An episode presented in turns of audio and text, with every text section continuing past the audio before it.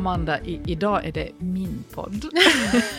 Meningspodden. Alltså jag har skrivit upp Meningspodden på min lista. Det, det avsnittet heter ju spiritualitet, men jag har nu skrivit Meningspodden för länge sedan. Alltså en podd om livets mening. Och det här är ju ett område och en scen som, som jag aldrig tystnar på. Utom idag. Det blev för svårt. Som att skriva sina memoarer på fem sidor. Så kändes det. Så plötsligt visste jag inte riktigt hur, var jag skulle börja, vad som skulle ingå.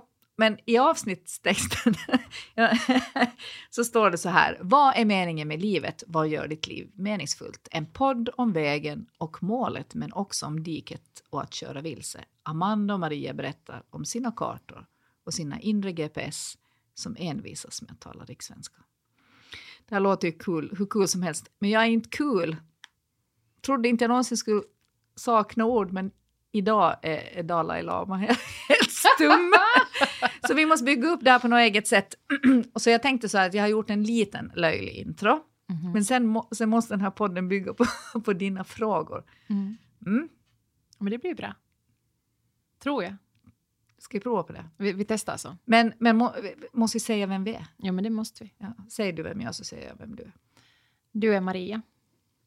Du är en ordbrukare av rang.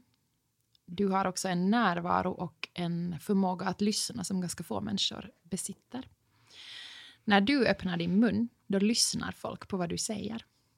Du är familjeterapeut, psykoterapeut, präst, mamma.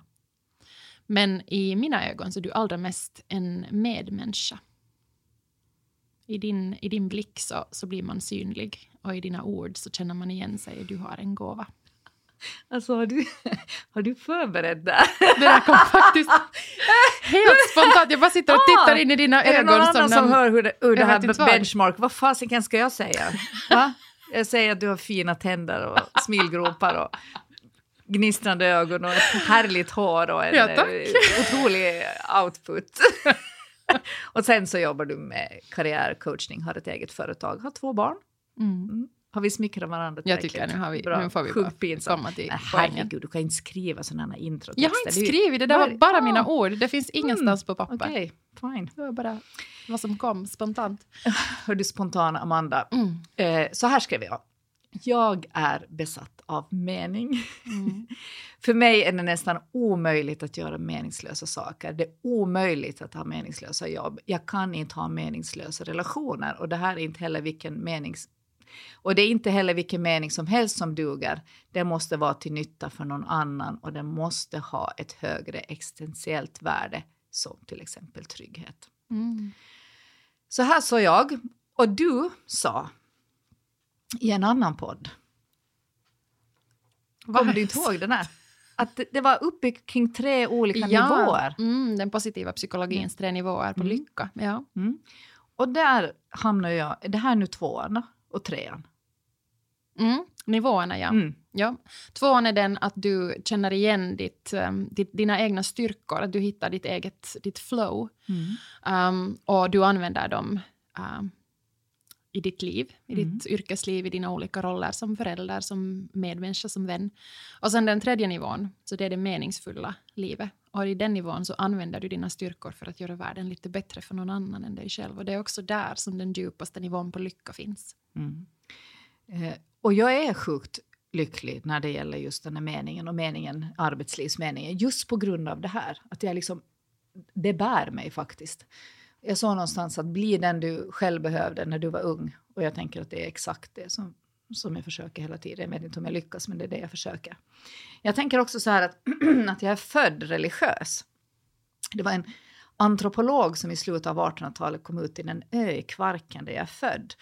Och han skrev en sån här litet häfte som jag hittade hos min mormor och morfar att befolkningen på denna ö är alla så andliga. Och då tänker jag att det blir man på öar när man kämpar mot och med havet, för födan, för överlevnaden. Och min tjocktarm, den är också dubbelt längre än andras. Och det här är av samma skäl, tänker jag. Uthållighet. Uthållighet. Överlevnad. och, och lyckade och lyckliga människor de behöver kanske inte ha den här yttre meningen och riktning. Men vi som är födda under en liten sprucken stjärna, vi behöver lite extern hjälp med att se vårt värde, vårt uppdrag och vår väg. Jag har ett problem och det är att mitt liv är så meningsfullt att jag inte riktigt orkar. jag försöker läsa lite inredningstidningar, jag försöker tänka på kläder, eh, lite ytliga grejer, men jag orkar bara en pytteliten stund och sen så åker tankarna iväg igen till den här meningen, till det här spirituella. Min största mening, det är att älska och bli älskad. Och det här är extremt tidskrävande. Min andra livsmening det är att just att vara till nytta. Det är inte så jobbigt, men det kräver att man tänker till och så, så kräver det att man liksom, eh, använder sin tid på rätt sätt. Min tredje livsmening det är att bli en bra människa. Det går sådär. Det går inte jättebra. Men jag har sett sådana samband att det är lätt att vara fin med bra typer men det är sjukt svårt att vara fin tillsammans med trista, sura och elaka människor. Jag är nämligen inte Gandhi. Jag liknar inte Jesus. Moder Teresa hade inte fem barn. Eh, jag är ju präst. Men våra beställare för den här podden de ville inte att vi skulle snacka religion, så jag hoppar över det. Men det är klart att bakom det yrkesvalet så finns det en lång historia av meningssökande som få moderna människor riktigt förstår sig på. De tycker jag är helt sjukt konstig. Men om jag får säga pyttelite, Rella, så ska jag säga så att religion, det, det är ju en meningsbärare. Men om människorna som tillhör en religion eller har en tro kränker andra så är det inte religionen som är kompassen utan någonting annat som kanske makt eller avund eller hat eller ondska. Det är helt sjukt viktigt att man kan diffa mellan de här. Och det här finns ju överallt där det finns människor. Och, och, det, och det är så här med, med hela det här andliga och det här spirituella att det... Nej men det här kan jag inte säga. Sorry, jag kan inte säga det här. What? Nej, men jag tänkte lite hinta om en grej som jag gjort, men det kan jag inte göra. Jo. Så, så nu, måste vi, nu måste vi lägga band på dig då. Nej, men om vi säger så här att, att min förväntan på religiösa människor har varit ganska stor, men besvikelsen har också varit i proportion till den. Mm. Att vara andlig är inte en garant för att man är bra. Nej, det tycker jag ju absolut skulle vara väldigt intressant att säga. Ja, jag vet, men vi kan inte göra det för då blir det problem. Okay. Bra, då tack för idag! Men... nu du måste nog ge bollen till mig på något nu, sätt. Det där blir för svårt nu, nu är det dags för sen. dina frågor. Nej, det här är jättebra. Jaha. Ja. Har du några frågor till ja. oraklet angående spiritualitet och mening i livet? Mm? Jag känner mig lite, lite cornered. Men du var också stressad för det här avsnittet. Det var ja. jag som hittade på det. Mm. Mm. Får jag börja med att prata om varför jag tycker det är svårt? Mm, det får du. Tack. Um, ja, men eh, då måste vi börja vid min mening, eller vad som är meningen i mitt liv. Om mm. du hade dina tre, tre nivåer. Så för mig är grunden det att jag vill vara modig. Och jag vill vara sann. Och jag tycker att det är äh, ganska svårt kring det här ämnet för att för att jag tycker att det känns jätteskrämmande och naket att prata om det som jag ska prata om nu. För att det handlar så mycket om, om skam. Och jag tror att för att nå fram till att... Jag, jag tror så här. Att alla människor, liksom meningen med allas våra liv och det att de binds ihop med varandra är att vi har ett enormt behov av att få höra till varann. Och för att verkligen kunna höra till varandra så behöver vi också kunna sitta i mörkret i oss själva och med varandra. Och där är skammen jättenärvarande och där är det oförutsägbara på något sätt jättenärvarande. Så nu vill jag vara modig.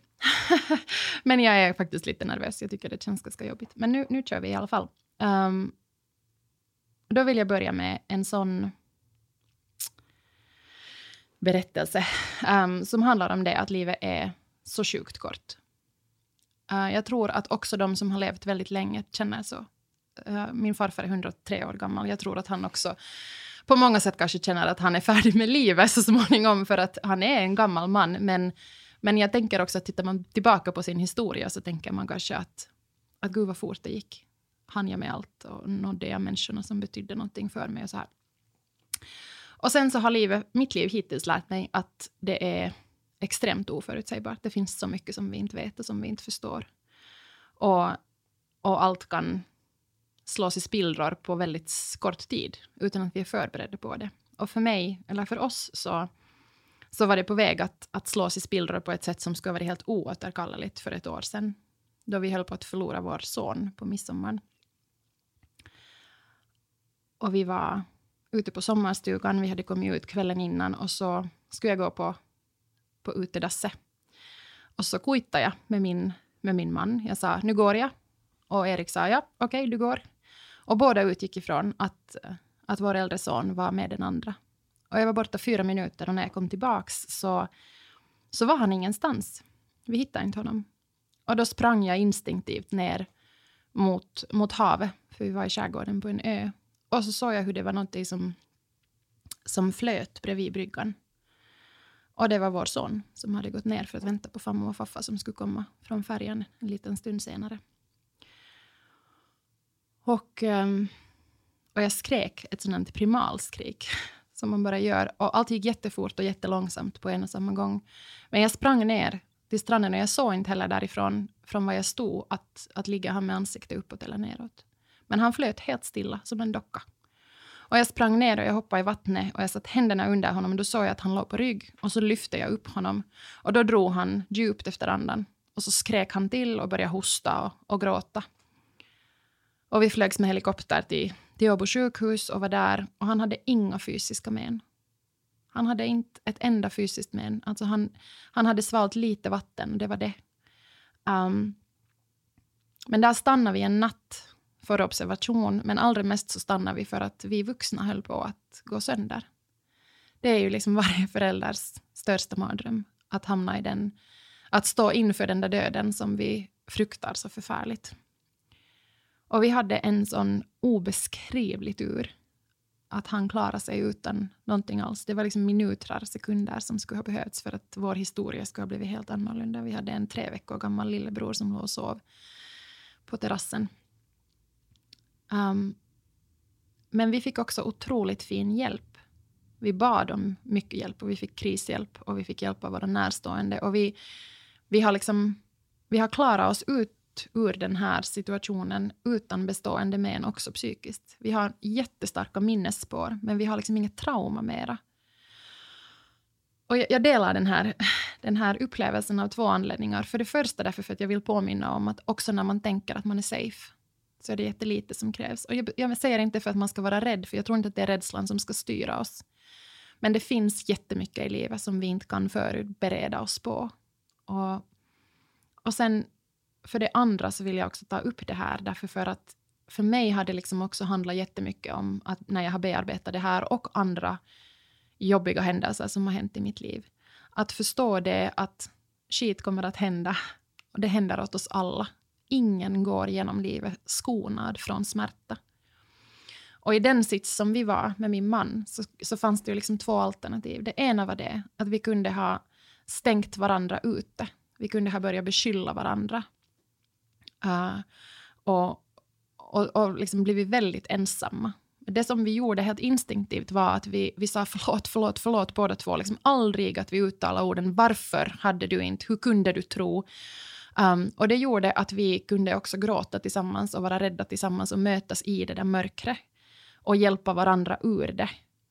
Och, och för mig är det liksom grunden för att sen kunna bygga vidare på den här lyckodelen, att hitta den där meningen, är det att våga gå igenom det där mörkret. Och det finns en amerikansk buddhistnunna och författare som heter Pema Chodron som säger så här att det är först när vi är väl förtrogna med vårt eget mörker som vi kan vara i någon annans mörker. Medkänsla blir på riktigt när vi upptäcker att vi båda är mänskliga. Och för mig handlar spiritualitet och meningen med livet om det där att, att våga se mitt eget mörker, mina egna brister, mina egna rädslor för då blir ljuset också ljust. Jag tänker att om vi inte vågar gå in i mörkret, så då är ljuset aldrig heller ljust. Då är vi i ett sådant gråskaligt dis. Men det kräver ju jättemycket. Och det är sårbart och det är svårt. Um, Tror du att man måste ha egna erfarenheter och svårt för att kunna mötas i mörkret? Ja. Men jag tror att vi alla har dem i olika... Där, där tänker jag att det är otroligt viktigt att också inte lägga... Alltså empati handlar ju jättemycket om det att kunna säga att jag hör vad du säger. Jag har känt samma sak även om jag inte har varit i samma upplevelse. Medan sympati är liksom att gå in och vara sådär att herregud vad hemskt, vad vidrigt, vad jobbigt mm. för dig. Och, och de sanna mötena kommer ju från empatin. Sympati kan vara ganska besvärligt om du har gått igenom någonting jobbigt också. Och våra egna rädslor och våra egna, våra egna känslor av att hur ska jag stå ut? Att möta den här människan som, som är så sorgsen eller har, har så mycket ångest eller rädsla just i den här stunden. Det är jättesvårt att våga sitta där och säga att jag ser dig och jag kan inte göra någonting för att lindra. Jag kan inte ta bort det svåra i dig, det såriga. Men jag har någonting som också har känts svårt för mig, mm. så jag vet var du är nu och jag kan sitta i båten bredvid din. Jag, jag tänker att det, jag tycker att det finns en gemensam nämnare för de som har upplevt själv och de som de som har upplevt själva och de som inte har gjort det, det är att de som inte har eh, varit i mörkret eller i det svåra och kämpa, de har ofta eh, ett stora behov av att ge råd. Mm. Och jag tänker att det är ofta för, också för att komma bort från det där obehaget själv, att man, det är egentligen råd till dem snarare än till någon annan. Och de, de där råden är ofta ganska jobbiga att ta del av för att det, det blir ju plattityder för den som har erfarit, men den märker samtidigt att du vet inte ett skit liksom vad du ja. snackar om. Så att jag vet att med präster så brukar man få det rådet vid kris att eh, håll om, häll i, alltså kaffe, och håll tyst. Mm. Och det finns någon bra point i det. Det är jättebra mm. råd. Och det där tycker jag att det är jätte... Alltså det där är det som jag kan känna att jag själv längtar efter. Uh, speciellt före, ja, före, före de här senaste åren som det har funnits ganska mycket som har varit smärtsamt i. Det har varit svårt att förhålla sig till hur man ska göra när någon annan har det svårt. Mm. Men just att det som jag har liksom kanske också kunnat provocerats av allra mest uh, i reaktioner från andra så har varit just liksom det där att bara mest gå in i en liksom Alltså att, den, att känslan, jag orkar inte bära min sorg och min smärta och samtidigt ha ansvar för din reaktion. Mm. Som är liksom, gud vad det här väcker känslor i mig och jag blir så rädd och gud vad vidrigt och vad hemskt. Ja, mm, det, det, är ju liksom, det förstår jag ju, det är jättemänskligt att man kan känna så, eller att man känner att det, det berör en på något sätt. Men det finns lite olika sätt att hantera det och jag tycker att det där råden var ju, var ju jättebra. Men jag tänker så här, det är ju vissa som säger att man får inte mera skit än vad man orkar bära eller det finns en mening med allt. Vad tänker du om det?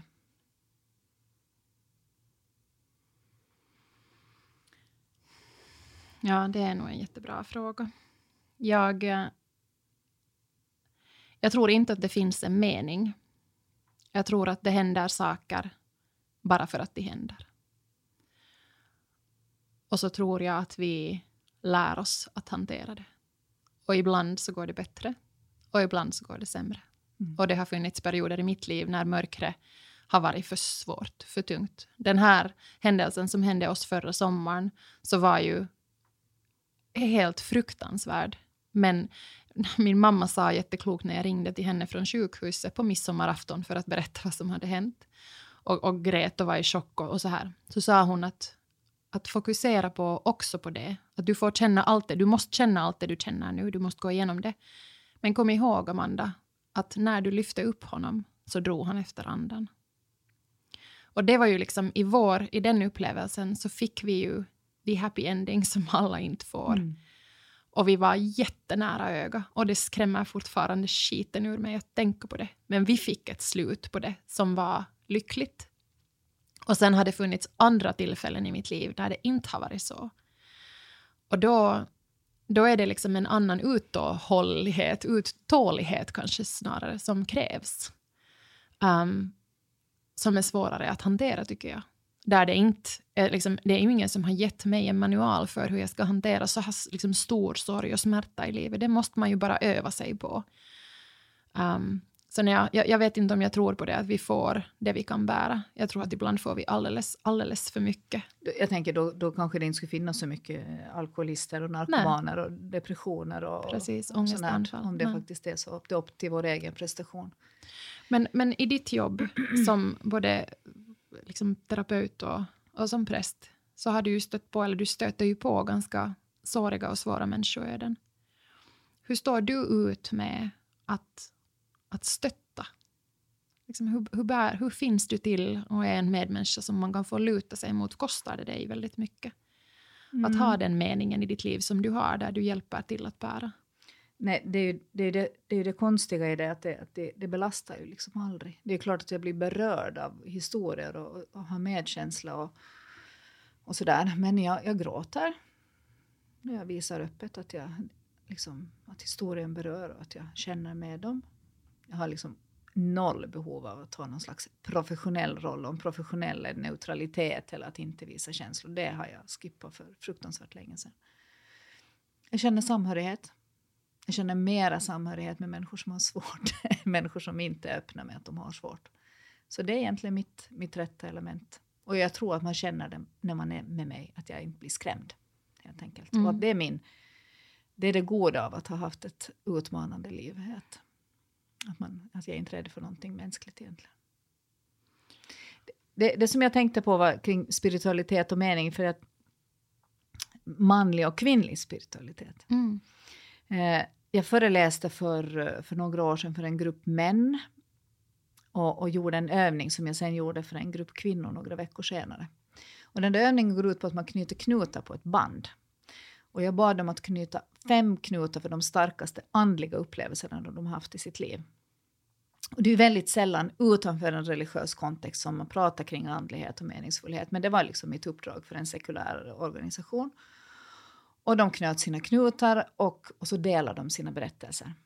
De flesta männen i den gruppen hade haft de största andliga upplevelserna i militären. Mm. och friluftsgudstjänster eller att ligga vid en brasa eller se stjärnorna på himlen och så här. Det var, och sen var det också i den här orden som det, som det här var då. Där hade det funnits en sån här manlig stark gemenskap där de kände just meningsfullhet och spiritualitet och samhörighet. Kvinnornas knutar de handlar bara om barn.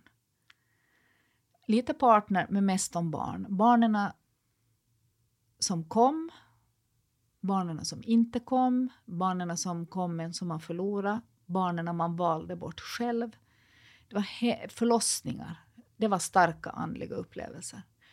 Och, och, när jag satt där så nästan skämdes jag. Så, så, jag tänkte liksom att när, var blir de bekräftade i sin andlighet eller sin spiritualitet? Och jag frågat när ni har gått i, i kyrkan till exempel eller andlig, rört er i andra, andra andliga sammanhang. Eh, har någon pratat om det här? Och de sa att de har aldrig hört en berättelse eller en bön om missfall eller abort eller barnlöshet. Och det är ju ganska hemskt, för det inne, vi har liksom, jag skulle säga att 80 procent av besökarna är, är, är, kvinnor. Och att blir deras berättelser inte berättade så blir de obekräftade. Och då beror det inte på Bibeln, för där har vi mycket berättelser kring just det, utan det kanske beror då på, på strukturerna. strukturerna och de som berättar, helt enkelt. Men att det här är andliga erfarenheter hos, hos kvinnor. Jag tänker att det, det hade nog också varit hos mig. Men, och det är just det där med att få liksom berätta sin egen berättelse och att också ha, få sitta i Alltså förstå det där att vi inte är ensamma. Det är ju mm. där som den där tillhörigheten kan komma och det är ju det just för mig som, som jag börjar med kring det där att, att jag vill, en av grunderna i, i min mening är det att vara modig och att hitta det som är sant för mig och våga leva därefter. Mm. Och det handlar jättemycket om att våga blotta sig, att våga visa att det finns inget, inte en polaroid av mig som människa. Utan det är, det är många lager och vissa av dem är enklare att visa och andra är svårare. Och det är de svåra som jag vill, inte för alla, visa. Mm. Jag väljer ju vem jag bjuder in i vad. Men, men jag liksom, det tänker jag att så det är mitt livsverk. Det är därför jag är här. Därför för att jag vill, jag vill hjälpa människor att hitta ett lyckligt liv och jag vill hjälpa mig själv att hitta ett lyckligt liv. Och det kan man inte göra om man struntar i allt det jobbiga. Jag tror ju liksom att det är när vi vågar säga just om missfall eller eh, fina stora händelser som vi har liksom varit med om som förlossningar eller just den där närvaron i, jag kan förstå nog den där militärupplevelsen på, på ett sätt mm. också, där ligger man liksom tillsammans. Man delar den där bubblan i att man är där av en orsak, man har en tydlig riktning, ett tydligt mål och man har en samhörighet även om det finns mycket som jag inte förstår med militären, så, så tror jag att den, den delen är ju väldigt spirituell. Att vara en del av något mm. större. Det som jag tycker att är intressant också, för för mig är det liksom jättekopplat den här då, det såriga och det svåra och det här mörkret så är så jättestarkt sammankopplat med ljuset och med det, det som, som bär oss. Och det finns, uh, det finns ganska mycket vetenskap kring det spirituella också. Och det tycker jag är otroligt fascinerande. Och det är också något som jag upplever att jag behöver använda i mitt jobb. För att när jag pratar med organisationer om vikten av att folk ska vara lyckliga på jobbet så behöver det finnas liksom fakta som grund, för annars blir det ju alldeles för hoheli Det är liksom ingen som köper mm. ett sånt koncept. Men, men det är intressant därför för att 50 procent av vår lycka är genetiskt betingad. 10 procent är miljö och 40 procent har forskare kommit fram till att är uh, formbart av oss själva. Så det finns ju liksom, det finns en hel del som vi inte kan göra någonting åt och så kommer livet då som sagt att, att slänga saker i vår väg som vi får lära oss att hantera och reagera på. Men jag tycker att det är otroligt intressant att tänka på det att 40 procent av vår lycka så är sånt som vi kan påverka med hjälp av aktiviteter och, och övningar som boostar de här lyckokänslorna. Och när forskare har, har forskat kring det här så, så har man då kommit fram till att, att vad, är, vad är lycka? Liksom när man försökt lista det så är det vänlighet och nyfikenhet, mm, öppensinnighet, tacksamhet. Det finns jättemånga studier som visar att, att, att lista det man är tacksam för, så det ökar känslan av lycka väldigt mycket. Lekfullhet, självmedkänsla, alltså att man talar till sig själv på ett snällt sätt. Det är vi inte alltid så bra på, vi människor. Optimism, humor och sen medveten närvaro. Och det tänker jag att både i det svåra och i det fina så finns det ingenting som gör mig så lycklig som när jag känner att jag har ett sant möte med någon. Jag får dela min lycka med någon eller jag har någon som kan dela min sorg med mig. Mm. Vi har också en expertkommentar idag. Vill du ta mm. den delen? Eh, det har vi. jag, är helt, jag bara sitter och lyssnar på det så jag blir helt lite lost här. Den här poddserien på åtta poddar handlar om kvinnoliv och i varje podd så har vi en gäst, en gästkommentator från en politiker från Svenska kvinnoförbundet som ska prata om vårt tema. Och idag så är det Emina Arnautovic. Jag heter Emina Arnautovic, jag är 49 år gammal och jag bor i Närpes i Österbotten. Jag är eh, en av eh, våra beslutsfattare här i Närpes och har suttit nu i fullmäktige sista tre perioder. Eh, jag också är född i Bosnien och Hercegovina och har kommit till Närpes 1992 som kvotflykting. Eftersom dagens tema är just det här vad, vad är egentligen meningen med livet och vad är meningen med att vi kämpar dag ut och dag in ifall vi råkar få svårigheter så, så åt mig passar det jättebra. Jag vill se mig själv som resilient, någon som stiger upp eh, efter att man har kanske fallit några gånger. Uh, och det har hjälpt mig både i livet uh, som uh, så här vanligt, men också i politiken.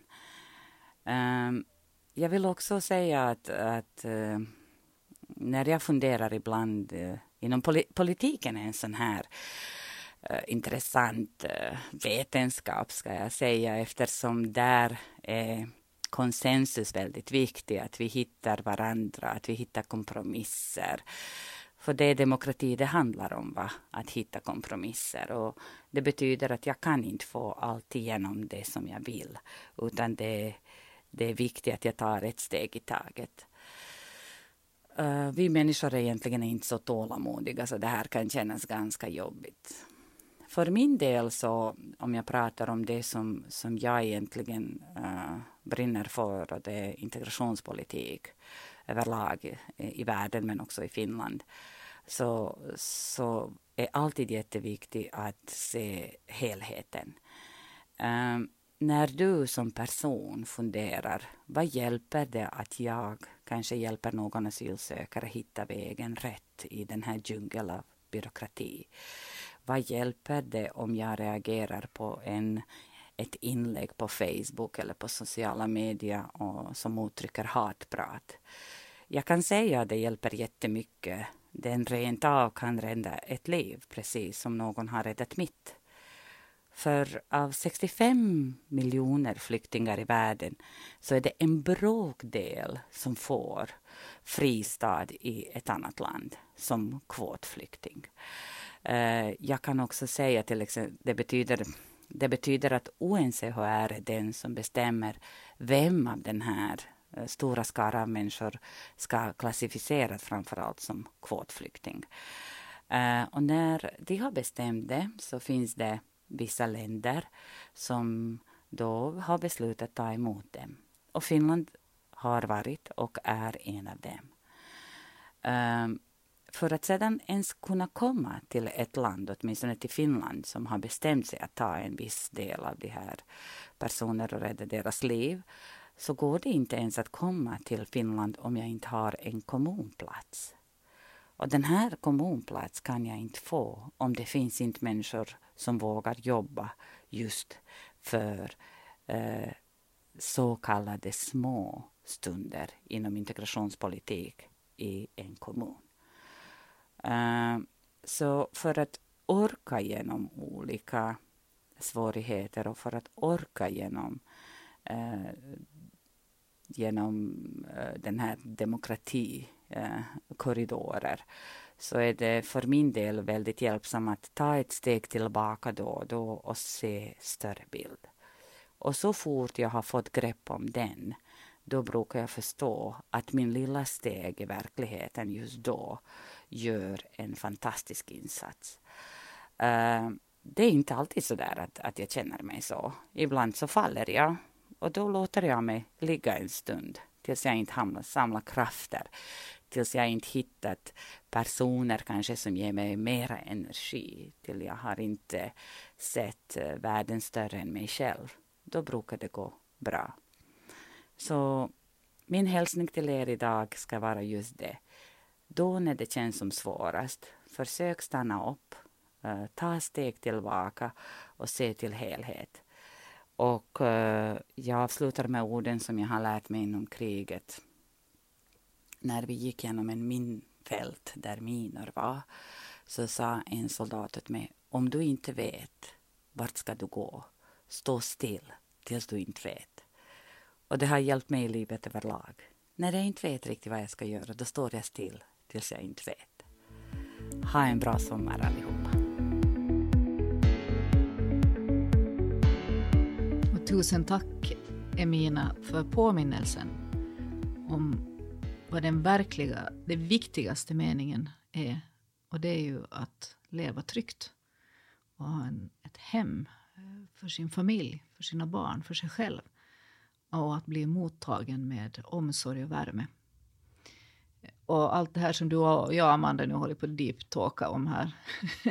så det är liksom nästa nivå, men viktigast av allt är liksom den här tryggheten. Ja, det som Emina också tar jättefint fasta på, tycker jag, är, är det hur stor skillnad det har när någon ser oss. Den där sträckta handen, det är att vi, att vi stannar upp för varandra och säger att hej, hur mår du? Jag ser din smärta, jag kan stå här bredvid dig i den. Kan jag hjälpa dig med något litet? Hennes uh, hennes taltur um, ehm, tycker jag påminner väldigt, väldigt väl om det. Att speciellt vi som lever privilegierade liv i trygghet i ett land där vi har strukturer som hjälper oss om vi faller, där vi lever i fred. Hur stor skillnad det kan göra när, om vi öppnar dörren och släpper in um, och gör plats för och, och tar någon i handen och säger jag kan hjälpa dig lite på vägen för det här är en helt ny värld för dig med våra regler och våra system. Mm. Och jag tänker att det är också en otroligt viktig påminnelse om det här med roller igen då, att, att den här socialarbetaren som gömmer sig bakom en byråkrati gör mera eh, skada än nytta. Att man, när man jobbar med det här så måste man primärt vara en medmänniska. Veckans energitjuv, veckans energiboost har vi haft i alla våra poddar. Mm. Vem vill börja? Men börjar du, vad har varit din tjuv den här veckan? Nå, tjuven har varit lite som du faktiskt var inne på här med, var det farfar eller morfar? Farfar. Farfar, 103 år. 103 104 år. fyllde han. Just förlåt, 104 fyllde han nu. Farfar 104 år. Mm -hmm. eh, jag känner mig igen mig lite, identifierar mig lite med farfar. Eh, jag har tänkt mycket på döden. Jag är lite lite snopen att det gick så snabbt. Jag menar, jag kan dö imorgon, men om vi säger att jag har 20 år kvar så jag liksom, får jag väl vara tacksam och glad. Och det är så otroligt som jag, mycket mer som jag skulle ha velat göra. Och det är ju lite girigt, för det finns ju människor som fick bara vara med en pytteliten stund. Men, men jag älskar att leva och jag är så nyfiken och jag vill göra så mycket vettigt ännu och jag vill finnas för min familj. Men det här kan jag lite älta. Och, och jag känner också sådär att, att eh, om, om vi ska laga en sån här lista vad som på riktigt är viktigt, alltså på riktigt är mening, så att uppleva lugn och ro. Det är faktiskt det enda som jag vill. Mm. Vad hade du som tjuv?